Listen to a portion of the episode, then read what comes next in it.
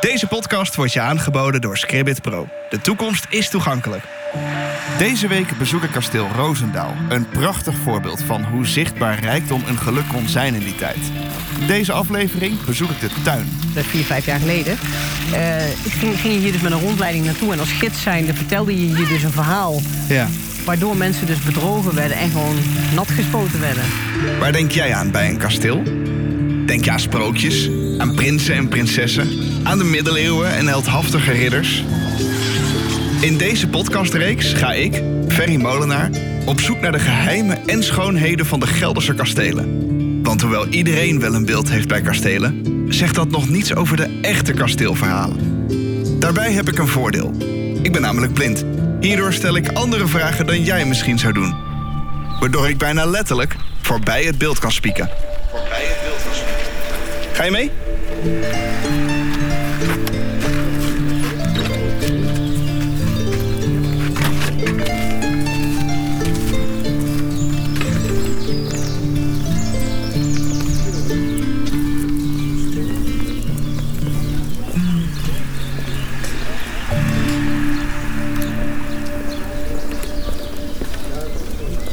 Nou, mijn naam is Manon Talsma. Ik werk hier sinds, eh, sinds 2003 werk ik voor Gelders Landschap en Kastelen. En ik, ja, wat, doe ik hier allemaal? Ehm, eigenlijk een heleboel. Eh, we, sturen de vrij, we sturen onze vrijwilligers aan. Want we werken met een hele grote ploeg vrijwilligers. Ehm, maar ook we zorgen dat alles achter de schermen eh reilt en zeilt. Dus het organiseren van evenementen, de housekeeping, collectiebeheer. eh, maar ook, je houdt ook in de gaten hoe het met het gebouw zelf gaat. Ehm, ja, het is eigenlijk te, divers om op te noemen, zeg maar. En eigenlijk is er geen enkele dag hetzelfde. Eh, bruiloften eh, organiseren we, of tenminste, die, die begeleiden we, eh, fotoshoots. eh, maar we hebben ook eh, rouwdiensten hebben we hier. Ja, je kan het eigenlijk zo gek niet bedenken of je hebt ermee te maken. We gaan lekker naar buiten. Mag ik voor jou de sleutel van de bedriegertjes? Over die bedriegertjes hoor je zo meteen meer. Goed. De sleutel van de bedriegertjes. Die. Dankjewel. Staan ze niet aan? Jawel. Maar dan gaan ze nog een keer extra aan. Ja, zoals het, eh, zoals het park er nu uitziet, is het dan een, eh, een Engelse landschapstuin. Dat is dan in de 19e eeuw hebben ze dit aangelegd. En Toen was, eh, toen wa- was, was de Franse tuin was uit de mode, zeg maar. Ja. En, maar we hebben nog wel de Franse elementen hier staan. Dus de schelpengalerij en de theekoepel. Die zijn er nog wel. Hier die mu- muurwerk wat hier in de, in de wand zit, dat is eh, de koelkast van het kasteel. Ja, dit is een, eh, een- ruimte. Je hebt eh, ijskelders en wildkelders. Ja. Ijskelders die zitten in de grond. En daar werd dan ijs uit de win- in de winter uit de vijvers gehakt en dat werd dan daar bewaard. En eh, ehm, wildkelders, dat zijn eigenlijk ruimtes die worden gewoon gebouwd. En daar gaat een hele dikke laag zand overheen. Dus er wordt een soort bult overheen gegooid. Waardoor het altijd de temperatuur heeft als in de koelkast. En daar werd dan wild wat geschoten, werd, werd, dat, werd daar dan ingehangen. Dat werd geslacht, dat werd daar ingehangen en dan lieten ze het besterven. Oké. Dus dat betekent dat ze het... eh, ja, het moest, moest mals worden, dus dan lieten ze het gewoon een paar maanden Ja. hangen. En om het dan extra koel te krijgen, werd er vaak ijs op de bodem gelegd met een laag stro eroverheen. En dan konden ze het gewoon extra lang eh, goed houden. Dus je had ehm, ja, een koelkast. Zonder stekker. Klinkt echt heel plat.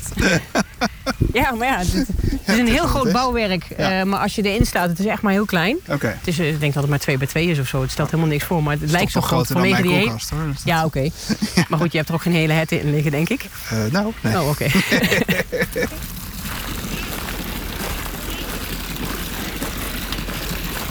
Nou, we staan bij de bedriegertjes. De bedriegertjes, dat klinkt... eh, Bedriegelijk. ja. Ja, dat klopt. Ehm, ja, je hebt apparatuur, dus ik kan, je niet, ik kan niet zeggen van nou, loop een stukje verder, zou ik zo zeggen. Want dan word je nat. Eh, de bedriegertjes en met name, de, ehm, ik zal het even een beetje, beetje schetsen. Het is een, ehm, een, een, een vloer met allemaal mooie, eh, nou ja, je kunt het misschien horen.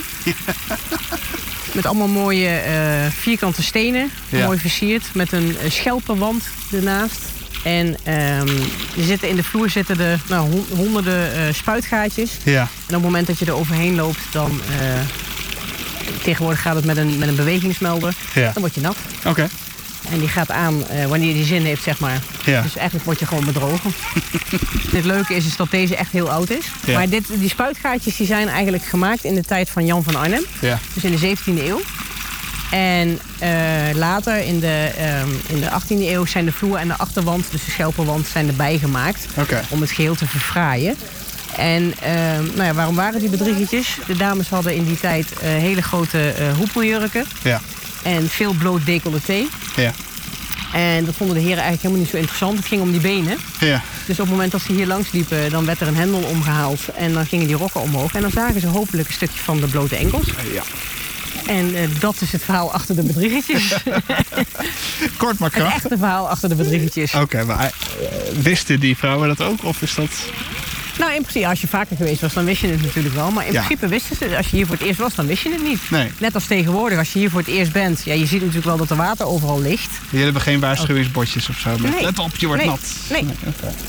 Nee.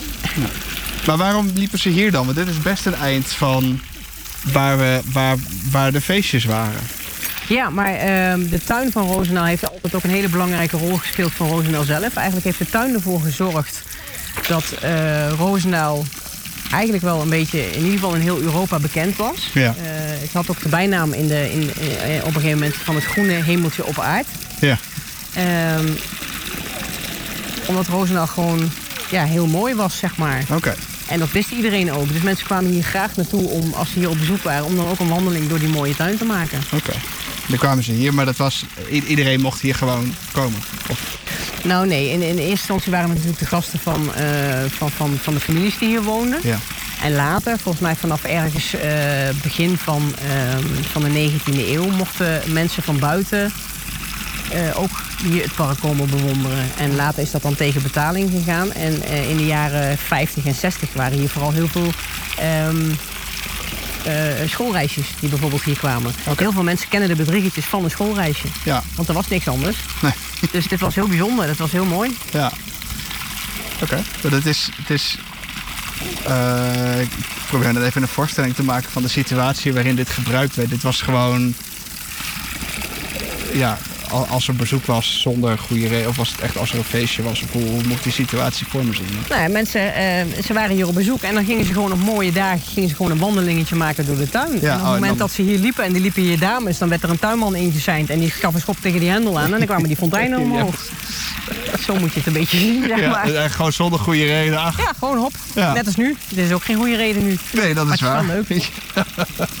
En het is wel jammer. Ja, het- weet je, we moeten natuurlijk modern, we moeten met de tijd meegaan. Mensen willen niet meer met een rondleiding mee om, om bedrogen te worden door de bedriegertjes. Maar voordat die bewegingsmelders er waren, en dat Ja. is eh, vier, vijf jaar geleden, ging, ging je hier dus met een rondleiding naartoe. En als gids zijnde vertelde je hier dus een verhaal. Ja. Waardoor mensen dus bedrogen werden en gewoon nat gespoten werden. En hoe reageerden mensen dan? Eh, meestal heel leuk. Ja. Maar we hebben ook echt wel mensen gehad die heel boos werden omdat ze nat werden. Ja, die vonden dat niet. eh, nee, die die dachten, vonden nee. dat, niet- dat hoorde niet. Dus, eh, terwijl iedereen altijd heel erg rekening hield met, eh, met, met fototoestellen, dat soort dingen. Dat dat in ieder geval niet nat werd. Ja, En als het koud was, dan deden ze een klein beetje. ja. In plaats van voluit. Want ja ik denk dat ze ongeveer Is dat nu wel... nog instelbaar of is het nu gewoon altijd vol gas? Het is nu altijd vol gas. Ja, Oké. Ja, je, je kan nu de techniek de schuld geven. ja precies. Ja, sorry. Ik kan niks doen. Maar goed, ik heb, ook, ik heb ook een afstandsbediening in mijn hand. Dus als ik wil, kan ik er ook voor zorgen dat ze nu spuiten. Bedrieger. Echt bedrieger. Nee. Daar komt de aap uit de mouw. Ja. Ja, nee. Heel goed. Dus, eh, ja. En het maakt niet uit wat voor verhaal je hier vertelt als gids zijnde. Ja, Als mensen maar nat worden. ja precies. Ja, ah, grappig. Hey, en de rest van de tuin, want het is een vrij grote tuin hier. Is- Ja, dit is, eh, ik denk dat hierachter ongeveer dit eh, nog iets van, van 40 of 50 hectare is wat hierachter ligt. Ja, En dan in combinatie met eh, het voorterrein en de Koningsberg. En ik denk dat alles bij elkaar dat het nog 66 hectare is. Dus het is best nog wel, eh, best wel groot. ja. Maar vergeleken met wat het ooit was, want vroeger kon je vanaf hier naar Wageningen. eh, Kunnen ja. wij nog een rondje lopen? ja, zeker. En dan niet dankzij de bedriegertjes. Nee, we, lopen, we draaien netjes om en we lopen de andere kant op. Nee, nu ik weet dat je die afstandsbediening hebt, eh, vertrouwen nul hoor. Dat is En terecht. ik ben niet bang om hem te gebruiken. nee, dat heb ik gemerkt. Maar het leuke is, is dat het nog wel steeds werkt op de oude manier. Want het werkt namelijk op natuurlijke waterdruk. Ja, En eh, je, je merkt nu dat we omhoog lopen, zeg maar. En aan de linkerkant ligt de derde vijver.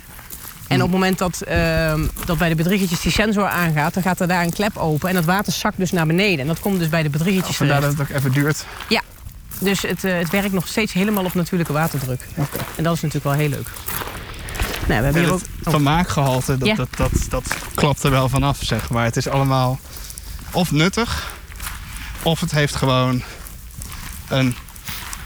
Ja, het, het, een vermaak. Het is, dit is, er, zit, er zit weinig onderliggends achter. Er zit... Ja, niks eigenlijk. Nee. Het enige wat van belang is als je hier bent, en of dat nou vroeger was of het is nu, dat je het gewoon naar je zin had. En dat Ja. je gewoon ehm, dat je kon genieten van alles. Ja, En dat is nog steeds. Ik bedoel, eh, als je hier.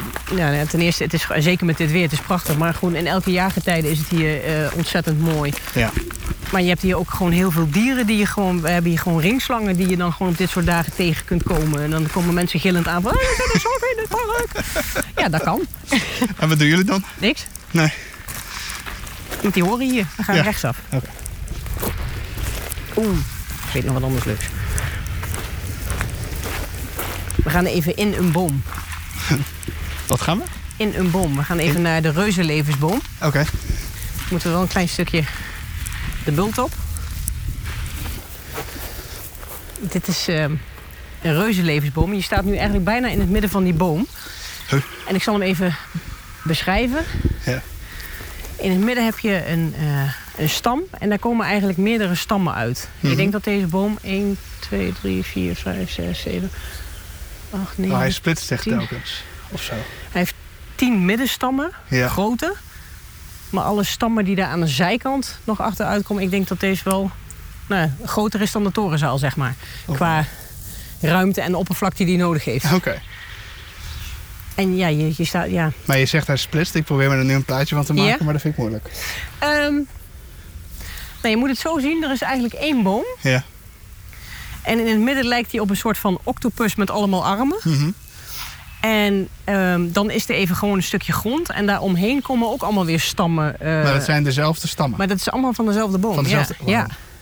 Op het moment dat wortels boven de grond komen, gaan ze omhoog. En op het moment dat stammen de grond raken, komen daar weer nieuwe ja, stammen uit of zo. Het is echt Ja. gewoon een beetje een speling van de natuur. Ze zijn allemaal wel, dit soort bomen zijn allemaal wel zo groot. Maar hoe, hoe uniek is dit? Want dit is voor het eerste tikken van hoor. Eh, nou, die, die levensbomen die heb je wel meer. En ze zijn wel vaker groot. Maar dat hij zoveel stammen heeft en ook om de middenstam heen zeg maar zoveel andere stammen heeft... is wel redelijk uniek volgens mij. Oké. En als je nou recht vooruit voelt, Ja. dan heb je eigenlijk de grote middenstam. Dit is de middenstam. En daar liggen 1, 2, 3, 4, 5, 6, 7, 8. liggen sowieso acht stammen die daar eigenlijk uit de onderkant, uit de wortels En eigenlijk die alweer gaan uitkomen. gewoon helemaal En die naar gaan de alle kanten op. buitenkant. Ja, die gaan alle kanten op. En die gaan dan uiteindelijk omhoog? Of dat gaat weer naar... Sommige wel, sommige niet. Oké. Hoe oud is deze boom? Ehm, hij is is dat ergens bekend? rond 1864 of zo is die, is die eh, geplant. Wauw. Het heet ook, het heet ook met een mooi woord eh, eh, een reuzenlevensboom. Ik ben Ja. onder de indruk. Dat mag. Ik heb dit nog nooit zo. Ik wist dit niet. Dit is grappig. Ja. Oké. We lopen nu soort van met het kasteel aan de linkerkant. Ja. Met heel veel water ertussen. Mhm. Lopen we nu bij de Schelpengalerij. Ah. We kunnen daar zelf even naar het bankje. Ook weer met veel water. Je loopt nu over Schelpen heen zelfs. Oké. En deze Schelpengalerij ehm, is rond eh, 1725 gebouwd. Ja. En waarschijnlijk ontworpen door Daniel Moreau, die ook voor Paleis het Loo eh, het een en ander heeft eh, ontworpen en gemaakt. Ja. En hier zitten eh, ongeveer 60 verschillende soorten schelpen in de wand. Ongeveer 30 verschillende soorten koraal. En de rest is allemaal natuursteen. Mhm. En dan natuurlijk diverse waterpartijen en fonteinen. Ja. En waarom hadden ze dit? Nou ja, om te laten zien dat ze geld hadden. En Paleis het Loo had een schelpenkamertje, een grotje. En wat hun, hun konden, konden, konden ze hier beter. Ik wou net zeggen, dat Dus moest ja. natuurlijk wel groter dan een... Nou, eh, dat, ja. Is dit voelbaar of is dit... eh, Ja hoor. Marmer en gewoon steen. Dit is- Oké, ja. En eh, inmiddels zijn die schelpen natuurlijk best wel heel erg verkleurd. Ik heb bezoek. Ehm, maar die grote schelpen waar je net aan zat, Deze, die, ja. ja.